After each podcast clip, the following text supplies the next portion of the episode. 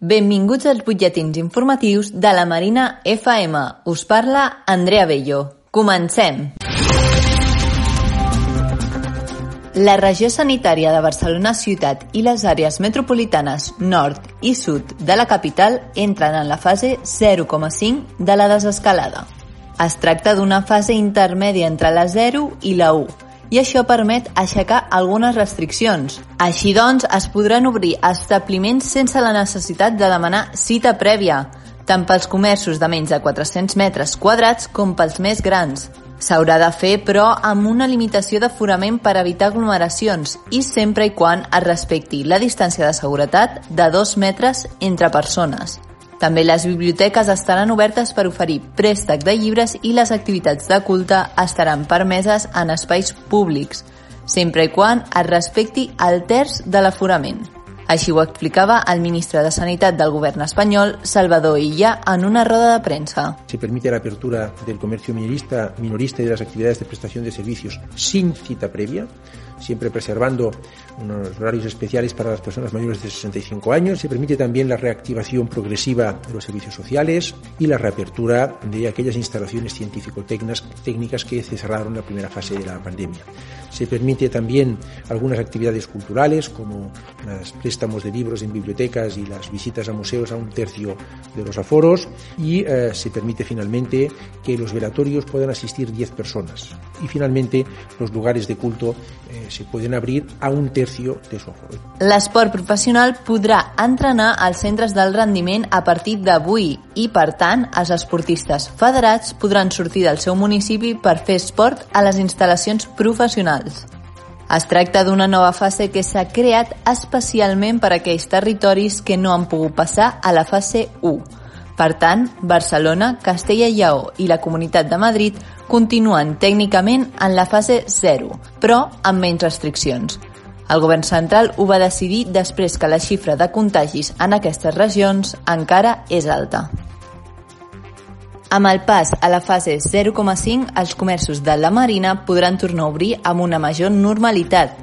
Ja fa més d'una setmana que la majoria de comerços van obrir les seves portes, això sí, amb cita prèvia. Ara, amb l'establiment de la fase 0,5, com hem mencionat, aquesta mesura ja no és necessària. Tot i això, segueixen havent-hi certes restriccions d'aforament i d'higiene, com les que explica la May Market, presidenta de l'Associació de Comerciants de la Marina el que ens permet és poder obrir amb horari complet. El que sí que ens limita aquesta fase és que eh, no podem atendre a més clients que eh, personal que tinguem. Per exemple, una botiga té dues persones atenent a mostrador, només podran entrar dos clients. La resta s'haurà d'esperar al carrer amb les mesures de seguretat que ens imposen les autoritats. També a tots els comerços hi han disponibles gels i guants per mantenir la seguretat i la salut dels clients. Poder obrir ha estat un alleujament per tots aquells petits comerços que, a l'estar tancats, no han generat ingressos. Ara comencen a veure una tornada a la normalitat i demanen l'ajuda dels veïns i veïnes. Demanem eh, comprensió, que per part dels clients tots els establiments la tenim i per altra banda mirar que poquet a poquet ens anem incorporant aquesta normalitat que tots tant desitgem. Que aquesta pandèmia passi ràpid, que encara que es quedi endèmica la puguem anar controlant i que aquesta situació a poc a poc ja vagi cap a una normalitat total i absoluta. El següent pas és l'entrada a la fase 1, on també podran obrir bars i restaurants, que fins ara només poden donar servei a domicili.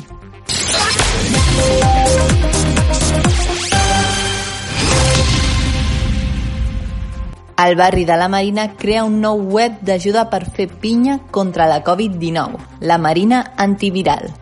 Davant la situació d'emergència sanitària que estem vivint, les entitats, conjuntament amb els veïns i veïnes del barri de la Marina, han creat un nou web d'ajuda comunitària, la Marina Antiviral.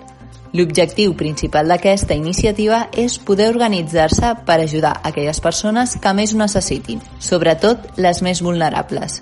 Joan Barotel, un dels participants en la creació de la Marina Antiviral des de la TIAF, ens explica el perquè d'aquesta iniciativa tothom estava detectant que hi havia doncs, eh, moltes necessitats, mm, que, que arribava molta informació i que feia falta un lloc que, que fos tan públic com per la gent de, del carrer com a nivell intern de serveis i entitats on poder adreçar la gent quan tingués algun dubte sobre algun dels temes que, que, que hi havia, no? sobre alguna necessitat que s'estava detectant amb el tema del Covid-19. Per aquest motiu, la web s'ha dividit en 15 apartats, els quals contenen informació d'interès per als diferents col·lectius del barri. La intenció era tractar com més temes millor, per resoldre tota mena de dubtes.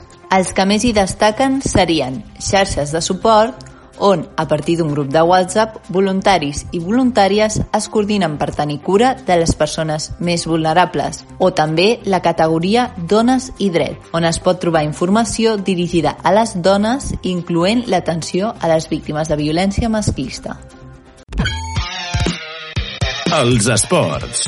El Club Natació Montjuïc difon 5 consells per pal·liar amb els canvis emocionals durant la quarantena. Els canvis en la vida, especialment els que no triem, poden generar-nos un gran impacte emocional.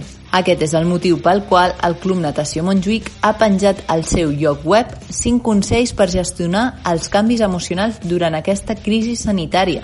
En primer lloc, ens diu que hem de mantenir una actitud positiva i veure el canvi com un avantatge.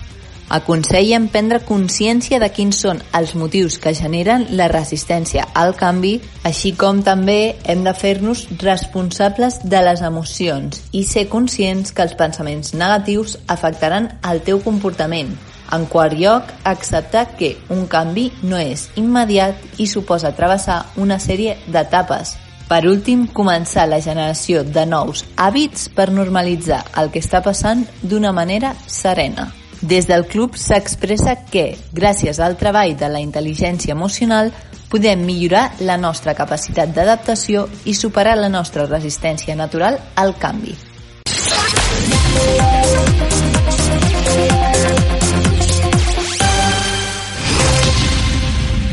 Tanquem el butlletí amb la ronda de contactes als consellers i conselleres del districte. Avui parlem amb l'Ester Pérez, consellera de Barcelona en Comú, que ens explica com han estat aquests mesos de gestió del districte. Quan es va decretar ja l'estat d'alarma, es trobava una situació nova i tant el primer moment va ser d'emergència total i de posar el que és el tema sanitari, el tema de l'ampliació d'hospitals per poder fer front a les necessitats que hi havia en aquell moment. Igualment després, ja quan van començar també amb el tancament de comerços i d'empreses, doncs el segon pas va ser activar serveis socials telemàticament, no han parat de funcionar en cap moment i poder fer front a un possible col·lapse que podia donar el cas davant de la situació que ens trobàvem. Amb tot el treball fet des dels serveis socials i les mesures que s'han fet des de l'Ajuntament, que no s'ha produït a nivell social una, un col·lapse justament perquè els serveis socials han estat treballant i en dos dies han pogut donar resposta a les necessitats. Cal dir també que la ciutadania també ens ha ajudat organitzant-se i poder pagar ara aquest primer cop. I ara, doncs, el que la feina que cal fer és veure com desescalem, com entrem a les diferents fases, amb totes les previsions, que no es pot preveure el bé perquè és un,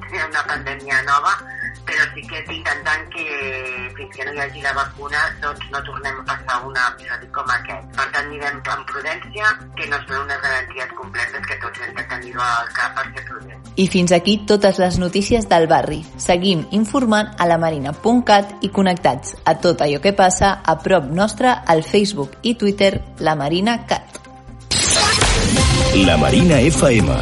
Serveis informatius.